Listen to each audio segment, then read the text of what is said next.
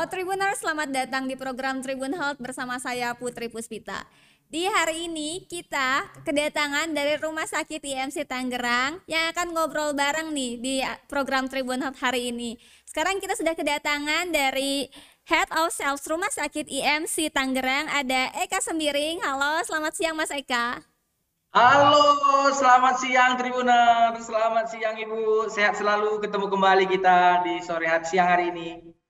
Ya, selain sama Mas Eka, kita juga kedatangan dokternya nih, yaitu dokter spesialis ortopedi dan traumatologi Dr. Harmantia Mahadipta, SPOTK Spine. Halo, selamat siang dokter.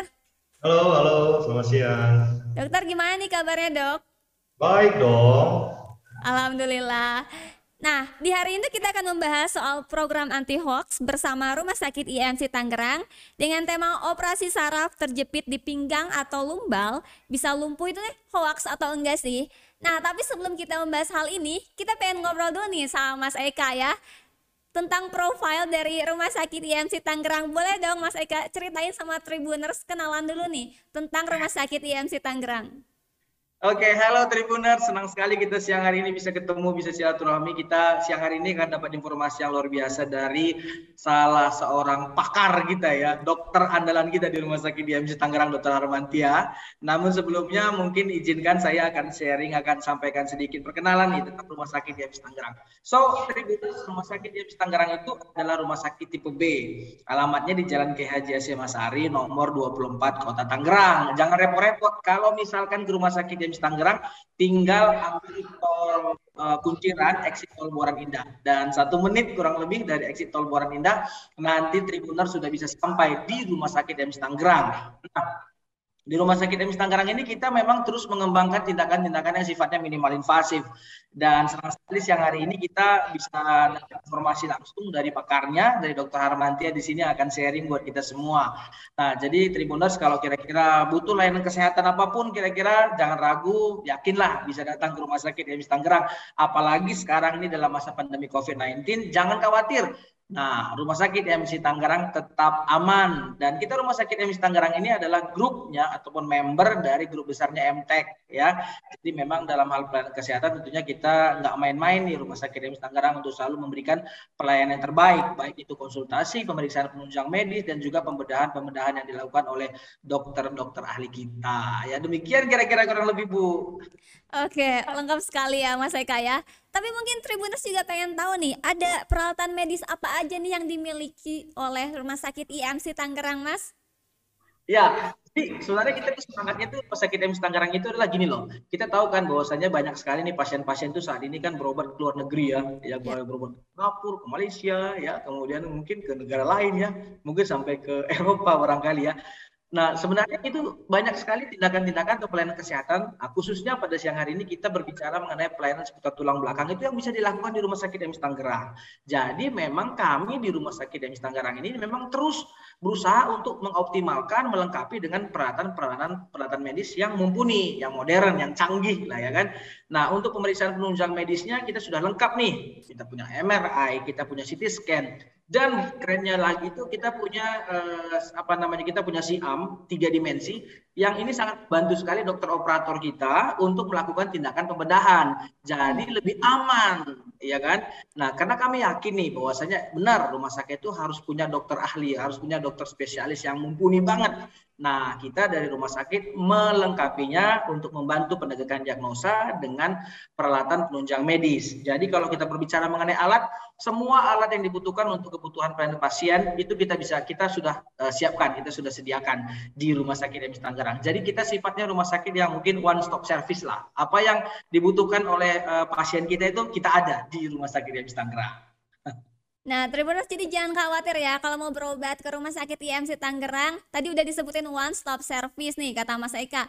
Tapi apa sih Mas layanan unggulan nih dari Rumah Sakit IMC Tangerang?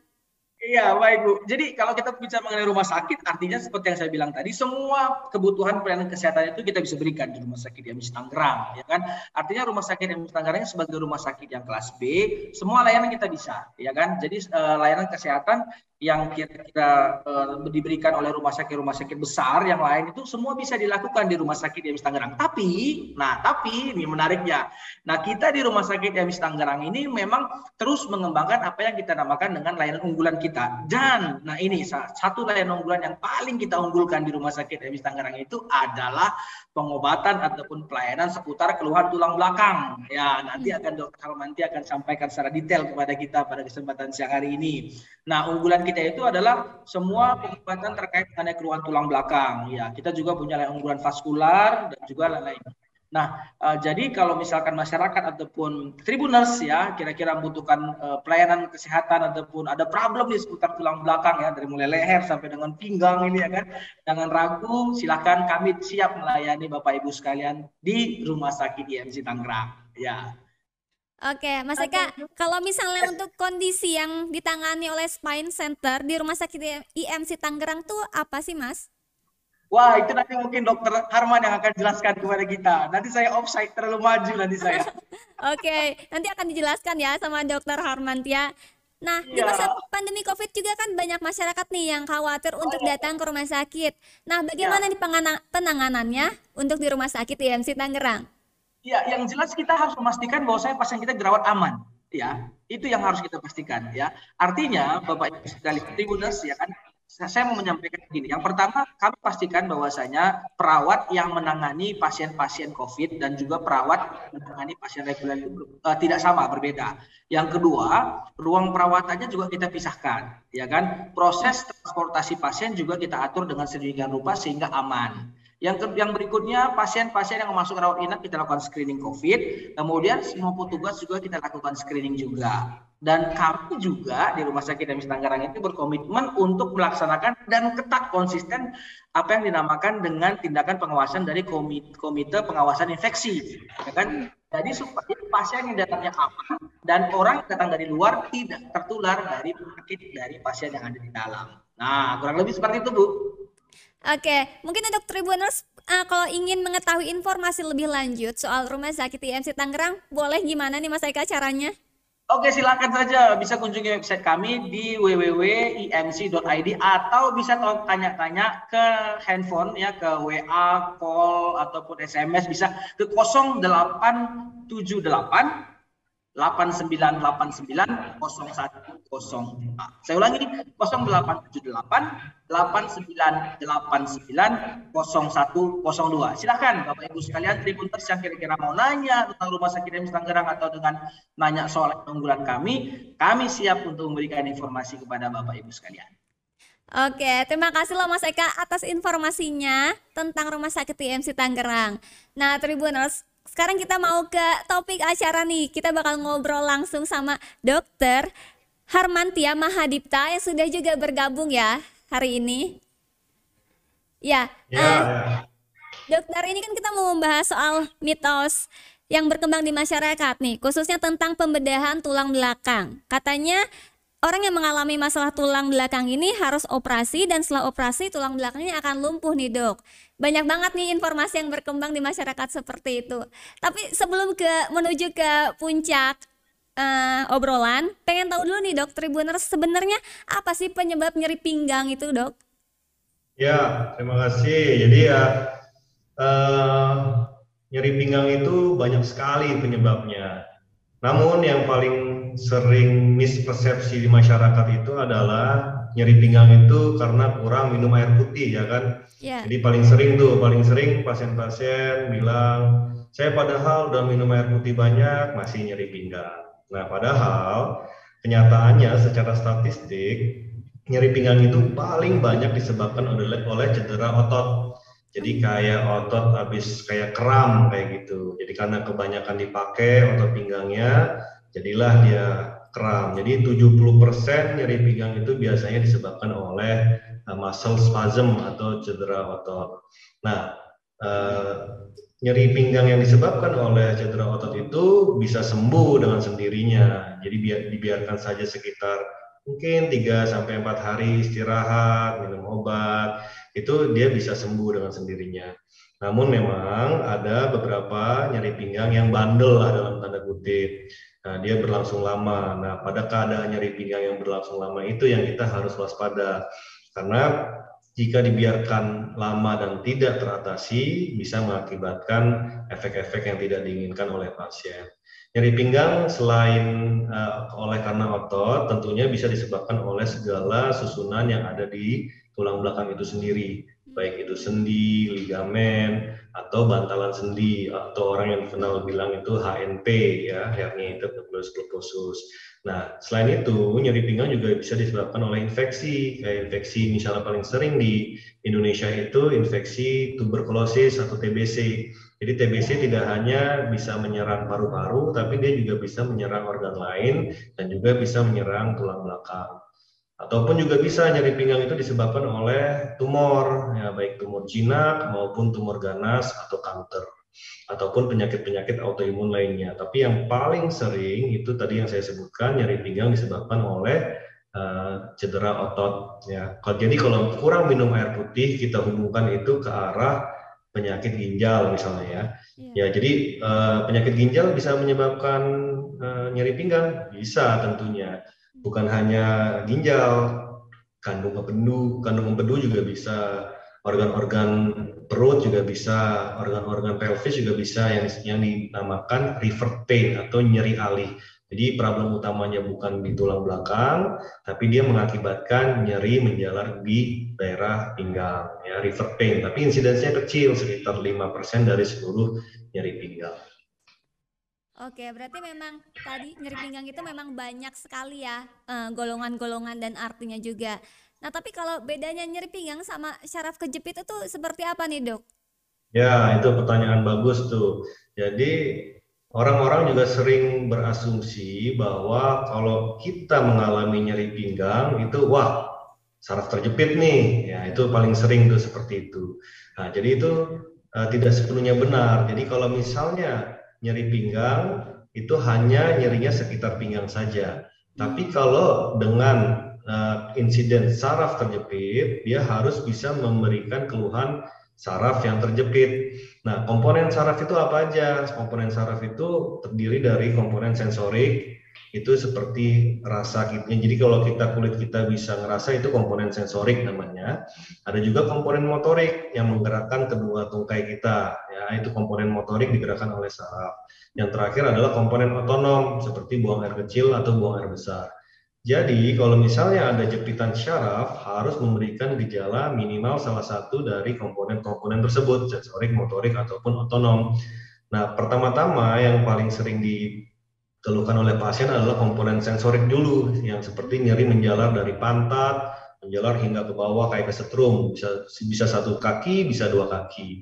Misalnya nyeri dari pantat ke paha ke betis atau sampai pergelangan kaki atau sampai uh, apa namanya telapak kaki. Nah, itu namanya komponen sensorik yang terjepit. Kalau dibiarkan lebih lama, komponen motoriknya juga rusak. Ya, itu yang menyebabkan kelemahan, kelemahan jempol, kaki, kelemahan pergelangan kaki, eh, lutut, seperti itu. Lebih dibiarkan lagi dan jepitannya lebih hebat lagi, otonomnya kena. Jadi buang air kecil sama buang air besarnya kena. Eh, biasanya tuh pasien tuh loss, ngompol ya ngompol sama buang air besarnya nggak bisa dikontrol. Nah jadi kalau misalnya saraf terjepit ya harus memberikan gejala-gejala seperti itu. Kalau hanya nyeri pinggang belum tentu saraf terjepit. Ah, Oke. Okay. Uh, ini dok, ini kan kalau bicara soal saraf kejepit ini juga banyak yang uh, gejalanya tuh karena angkat beban berat, terus jadi sakit nih. Tapi memang selalu seperti itu kejadiannya atau gimana ya dok ya? Ya, tidak selalu seperti itu. Jadi kalau misalnya orang angkat beban berat langsung jadi sakit, bisa berbagai macam, bisa cedera ototnya seperti yang saya sebutkan pertama tadi, hmm. bisa juga cedera sendinya ataupun ligamennya, ataupun memang bisa juga cedera bantalan sendinya. Jadi bantalan sendi saking angkat beratnya pecah dia bantalan sendinya. Nah itu yang bisa mengancam untuk terjadinya saraf terjepit. Nah penyebab dari e, nyeri pinggang atau saraf terjepit bukan hanya mengangkat berat. Ya biasanya intinya adalah bantalan sendi di bagian pinggang atau lumbal itu mengalami kelebihan beban, jadi overweight, overuse lah ya. Bukan hanya uh, diakibatkan oleh mengangkat beban yang salah dan berat, tapi juga repetitif seperti misalnya kita duduk. Kalau kita duduk, eh, beban di daerah pinggang itu sangatlah besar ya karena dia berhenti. Beda kalau kita berdiri. Kalau kita berdiri, beban dari pinggang itu bisa diteruskan ke kaki. Makanya kalau misalnya kita duduk, beban ke pinggang itu sekitar satu setengah kali lipat daripada kita berdiri. Nah, pada pandemi ini banyak yang work from home ya kan duduk terus lupa. Nah itu yang biasanya mengakibatkan bantalan sendinya pecah ya. Jadi duduk lama pun bisa mengakibatkan cedera dari bantalan sendi. Nah, Tribuners tadi kan gini ya, kebanyakan duduk, kebanyakan mager. Biasanya nyaman-nyaman aja mager, padahal tiba-tiba nyeri pinggang, malah jadi syaraf kejepit. Jangan juga sampai seperti itu ya dokter ya. Tapi ini dok, uh, apa nih tanda-tandanya ketika kita memang harus segera periksa ke dokter nih ketika udah kerasa kayak sakit pinggang atau ada syaraf yang terjepit ini dok? Oke, jadi uh, misalnya terjadi syaraf terjepit, satu-satunya emergency di bidang saraf terjepit itu adalah yang dinamakan cauda equina syndrome. Jadi jepitannya itu sedemikian hebat di daerah pinggang sehingga mengakibatkan bisa kelemahan di jempol kaki atau nyeri yang menjelar hebat atau sampai baal dan yang paling bahaya disebabkan menyebabkan adalah tadi gangguan buang air kecil, buang air besar. Nah, Kenapa disebut emergency? Bukan berarti dia mengancam nyawa, ya. Jadi emergensinya itu bukan mengancam nyawa, tapi jika dibiarkan dia akan bersifat permanen. Jadi bayangkan kalau suatu ada pasien mengalami cauda equina syndrome tidak berobat, ngompol seumur hidup, pasang kateter seumur hidup, buang air besarnya nggak bisa dikontrol, pasti akan mengganggu kualitas hidupnya. Dari situlah itu yang namanya emergency, salah satu-satunya emergency di bidang saraf terjepit bagian gumbal itu adalah cauda equina syndrome. Nah, itu harus segera berobat ya.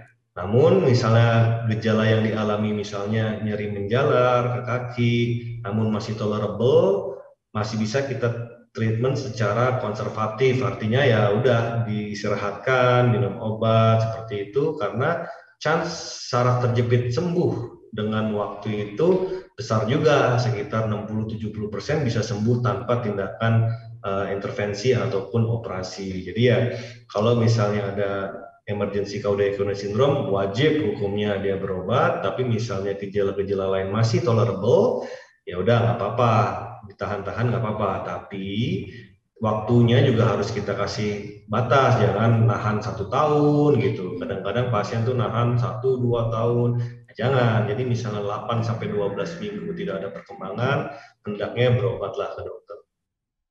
Oke, kebanyakan kan masyarakat tuh ketika nggak dirasa-rasa gitu dok, ah ini mah cuman gini aja, nggak kenapa-kenapa. Pernah nggak sih dok datang yang kasusnya malah udah didiemin lama, lalu harus dilakukan seperti apa nih dok? Ya, jadi bukan pernah lagi, sering kali masyarakat Indonesia tuh seperti itu. Yeah. Nah, itu yang saya bilang. Sebenarnya mungkin bukan salah pasiennya karena pasien kurang informasi tentang saraf terjepit dianggap misalnya nyeri pinggang biasa seperti itu jadi dibiarkan. Nah, jadi kadang-kadang memang seperti saya bilang tadi nyeri pinggang itu bukan hanya disebabkan oleh bantalan sendi yang pecah, tapi bisa juga disebabkan oleh keadaan infeksi atau kanker gitu. Jadi misalnya kasihan kalau misalnya nyeri pinggang atau saraf terjepit itu disebabkan oleh infeksi atau kanker, makin lama dibiarkan, makin susah disembuhkan. Jadi makanya saya kasih waktu 8 sampai 12 minggu kecuali makin hari makin hari itu makin sakit. Jadi kalau misalnya makin hari makin sakit itu suatu tanda yang nggak bagus itu. Kalau misalnya nyeri pinggang biasa atau saraf terjepit yang biasa tuh makin hari makin enak, makin ringan gejalanya. Tapi kalau makin hari makin sakit itu waspada juga. Ya, jadi Tribuners ketika kalian ngerasa ada gejala-gejala yang kurang nyaman nih di bagian pinggang atau terjadi syaraf kejepit, sebaiknya memang harus segera konsultasikan ke yang ahlinya, ke dokter. Jangan sampai pas ditangani ternyata malah ada masalah lain ya Tribuners ya. Dan ini juga nih dok, uh, ketika seseorang sudah terkena uh, syaraf terjepit, ada hal atau yang harus dihindari itu apa saja ya dok ya? Ya oke, okay. jadi uh, biasanya tuh nyeri akibat saraf terjepit itu sakit sekali tuh nyeri menjalarnya sehingga kadang-kadang pasien justru nggak bisa beraktivitas biasa pun nggak bisa dia. Jadi kalau misalnya lagi terkena saraf terjepit, sebisa mungkin istirahat atau bed rest ya, tidak usah kerja, tidak usah duduk, sebaiknya istirahat dulu ya. Namun ada beberapa hal yang bisa memperparah. Intinya adalah jika nyeri ter, uh, saraf terjepitnya disebabkan oleh bantalan sendi yang pecah, kita harus bagaimana caranya mengurangi beban ke bantalan sendi itu. Ya, jadi harus kurangin duduk, harus kurangin ngangkat-ngangkat. Seperti saya bilang tadi harus bed rest, terus bisa kita kombinasi dengan obat atau fisioterapi. Terus jika misalnya hal yang paling penting adalah penguatan otot perut, otot pinggang. Nah, itu namanya core muscle strengthening ya. Jadi eh, otot-otot rangka inti itu kita harus kuatkan supaya beban yang dialami oleh bantalan sendi di bagian pinggang itu bisa terdistribusi juga dibantu oleh otot-otot sekitarnya. Nah, sering kali pasien-pasien yang dengan core muscle atau otot inti yang lemah itu chance untuk saraf terjepitnya atau bantalan sendi yang pecah itu semakin meningkat.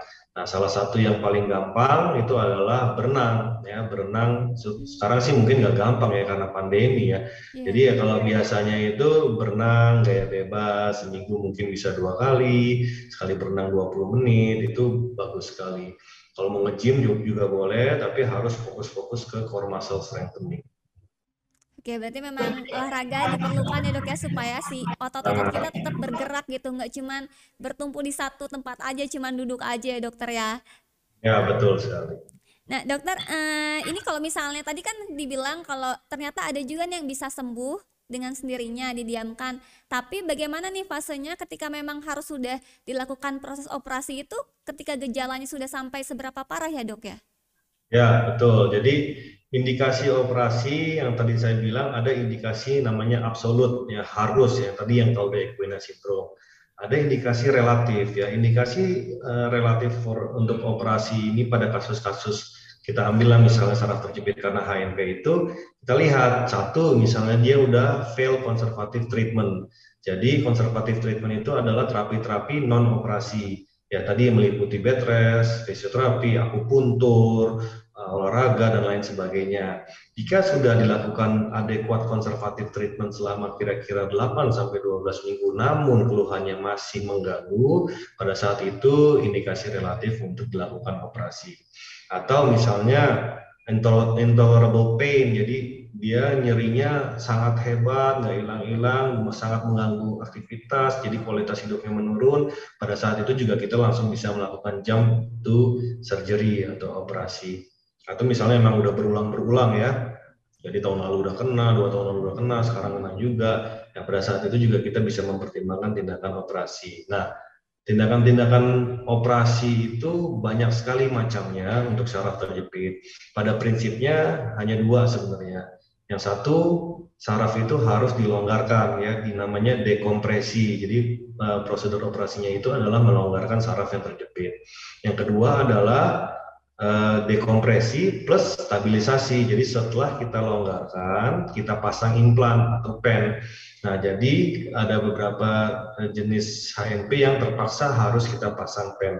Tapi sebisa mungkin kita jangan memasang implan atau pen di dalam tubuh kita ya. Jadi karena memang pemasangan pen itu salah satu menyelesaikan masalah, tapi bisa menimbulkan masalah-masalah yang lain di kemudian harinya. Jadi sebisa mungkin kita jaga uh, pinggang kita alami, dilonggarkan saja sarafnya, didekompresi saja. Iya, berarti memang sebelum fase masa operasi itu juga memang harus dikonsultasikan sama dokter dulu ya, Tribuners ya. Iya. Lalu dok, ini kan ketika sudah memasuki fase operasi, banyak yang bilang, banyak juga nih yang takut takut nih untuk operasi syaraf kejepit karena nanti terjadi kelumpuhan nih dok. Ini sebenarnya ya. gimana nih? Ya ya ya, bukan bukan banyak sih menurut saya. Hampir setiap pasien saya pasti kayak gitu. Oh. Jadi ya, jadi memang uh, saya nggak tahu yang mulainya dari mana timbul berita seperti itu. Tapi uh, secara teori ya, secara theoretically, misalnya kita operasi saraf terjepit di bagian lumbal, lumbal itu kan ada satu, dua, tiga, empat, lima, kadang-kadang ada enam. Nah biasanya orang yang terjepit itu di lumbal paling bawah L45 atau L51. Nah kalau misalnya kita operasi di daerah lumbal, apalagi lumbal bagian bawah, itu sangat tidak mungkin mengakibatkan kelumpuhan seperti yang persepsi orang-orang, kelumpuhan setengah badan. Jadi habis dioperasi nggak bisa jalan, setengah badan itu mati total. Itu nggak mungkin terjadi. Kenapa? Karena saraf-saraf panggul, saraf-saraf paha, lutut itu udah keluar di atas, bukan di daerah lumbal bawah di L45 apa L51. Nah, saraf yang keluar atau berada di daerah lumbal 45 ke bawah itu adalah saraf-saraf pergelangan kaki ke bawah. Jadi ya kalaupun terjadi kenapa-napa ya pergelangan kakinya saja yang nggak bisa gerak atau namanya drop foot atau misalnya jempol kaki dan jempol lain eh, jari-jari kaki lainnya yang nggak bisa gerak namanya drop toes. Nah itu yang terjadi. Jadi tidak mungkin terjadi kelumpuhan setengah badan seperti yang ditakutkan oleh masyarakat-masyarakat umumnya Nah itu tadi ya Tribuners, jadi mohon diperhatikan baik-baik tadi kata dokter Harmantia supaya tidak ada lagi nih misinformasi di masyarakat kita akan yang takut nih kita mau mau sembuh malah jadi rasa takut malah muncul ya malah jadi nggak jadi ya, operasi ya, nih. Betul. Tapi susah juga nggak sih dok ketika mengajak pasien menjelaskan ini harus operasi loh, pasiennya langsung yang mundur nih enggak nih dok aku takut nih kalau nanti terjadi kelumpuhan. Cukup banyak nggak dok? Ya, biasanya tuh pasien mundur tuh ya itu tadi yang saya bilang. Aduh dok, saya takut lumpuh. Nah, tapi setelah saya jelaskan dengan uh, teori, mereka akhirnya paham dan setelah dibuktikan baru mereka menyesal biasanya. Aduh, kenapa nggak dari dulu gitu loh? Karena mereka sudah biasanya sudah termakan omongan tetangga, omongan saudara, omongan orang lain. Jangan, jangan dioperasi loh, nanti lumpuh. Nah, saya saya selalu kembalikan ke pasien yang mengalami nyerinya itu Anda atau saudaranya atau tetangganya. Jadi yang memutuskan adalah harus Anda sendiri. Kalau misalnya nyerinya sudah tidak tertahan lagi, eh jangan ragu. Nah, baru nanti saya jelaskan kemungkinan-kemungkinannya yang nggak mungkin lah lumpuh setengah badan gitu. Akhirnya biasanya mereka paham. Hmm. Oke, dokter ini juga ada ada yang menarik ya. Ketika kelebihan operasi operasi saraf terjepit, apakah dengan teknik endoskopi kelebihannya seperti apa nih dok kalau dengan teknik endoskopi? Oke, jadi ya eh, teknik endoskopi itu adalah salah satu teknik yang saya bilang tadi ya dekompresi membebaskan saraf terjepit. Sebenarnya teknik endoskopi ini di dunia ini bukan barang baru. Dia udah mulai tahun 1970-an, 1980-an udah udah dilakukan oleh orang-orang luar negeri. Hmm. Namun di Indonesia mungkin baru baru benar-benar kita kita intens melakukan tindakan endoskopi uh, di bidang tulang belakang itu mungkin sekitar 2013 lah ya. Jadi mungkin sekitar 9 tahun yang lalu lah.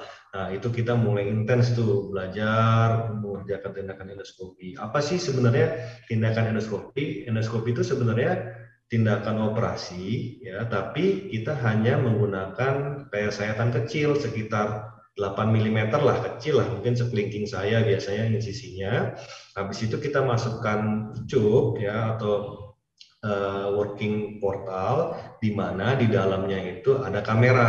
Nah jadi ibaratnya mata kita pindah ke dalam.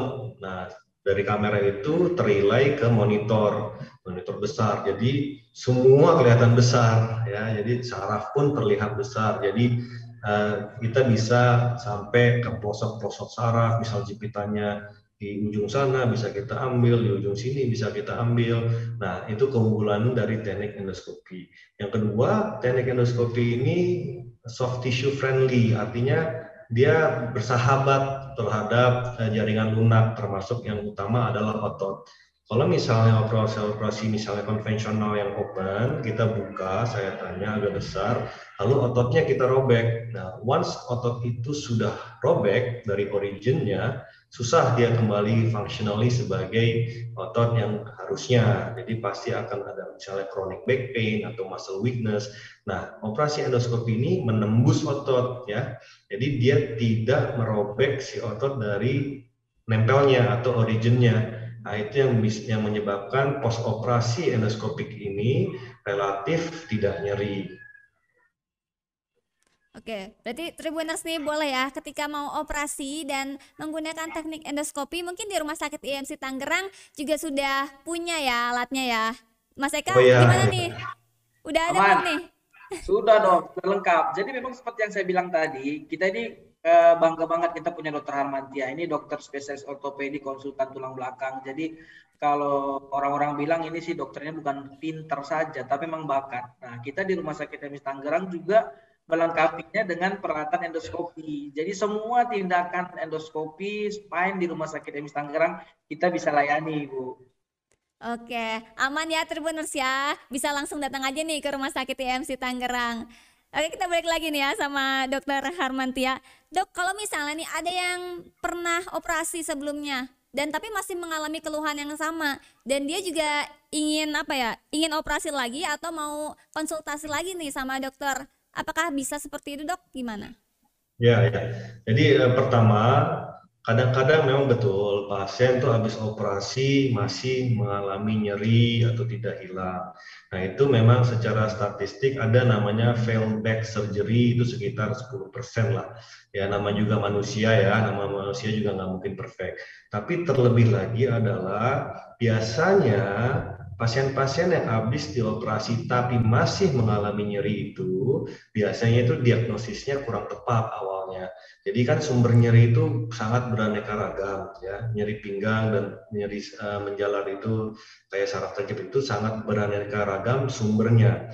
Kalau kita sebagai dokter gagal men mendiagnosis secara tepat sumber nyerinya atau source of pain-nya, namun kita operasi pasti nggak akan berhasil. Nah biasanya pengalaman saya tuh gitu, kalau misalnya pasien habis operasi masih sakit, paling sering tuh karena ya memang sumber nyerinya belum belum ketemu, belum tertangani. Nah, dilakukan operasi tapi bukan terhadap sumber nyerinya, itu pasti tidak akan hilang. Nah, yang kedua, misalkan udah dilakukan operasi, oke, okay, terus mungkin setahun dua tahun lagi kumat lagi, namanya rekuren Ya, apakah masih bisa dilakukan operasi endoskopi? Tentu, tentu masih bisa. Jadi tidak menjadi halangan mau operasi berapa kali pun kita masih bisa melakukan tindakan operasi endoskopi asal masih sesuai indikasi. Oke, dokter ini kan masih di masa pandemi nih dok. Kalau misalnya si pasiennya memang baru vaksin atau booster, boleh nggak sih dok langsung melakukan operasi? Ya, jangankan baru vaksin atau booster, pasien COVID pun nggak apa-apa dioperasi asal indikasi. Asal indikasi operasi mau pasien COVID, mau pasien habis vaksin booster, nggak apa-apa. Oke, dokter ini ada ada pertanyaan nih dok. Uh, untuk kayak syaraf terjepit ini, apakah memungkinkan anak-anak bis juga mengalami saraf terjepit dok? Ya, ya, betul. Jadi saraf terjepit itu tidak mengenal usia, mulai dari anak-anak, Eh, remaja, dewasa muda, orang tua pun bisa mengalami saraf terjepit.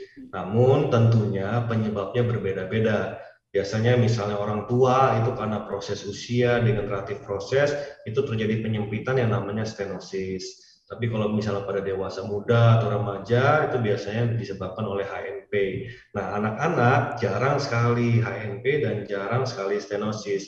Ya, jadi kalau ada saraf terjepit pada anak-anak kita harus extra aware. Nah, biasanya itu lebih ke arah infeksi atau penyakit-penyakit kongenital, bawaan atau penyakit-penyakit tumor, tumor ganas, kan kanker seperti itu. Jadi kalau pada anak-anak dia mengalami saraf terjepit, kita harus lebih extra aware untuk menggali sebenarnya di mana source of pain-nya. Bisa juga kayak saraf terjepit padahal kelainan neuromuskular atau saraf dan ototnya. Jadi harus hati-hati pada anak-anak. Tapi bisa saja terjadi seperti itu. Oke, Tribuners kita udah ternyata udah ngobrol lebih dari 30 menit ya sama Rumah Sakit IMC Tangerang hari ini. Boleh nih Dokter Harmantia sama Mas Eka memberikan closing statementnya? Boleh dari Mas Eka dulu? Ya, jadi seperti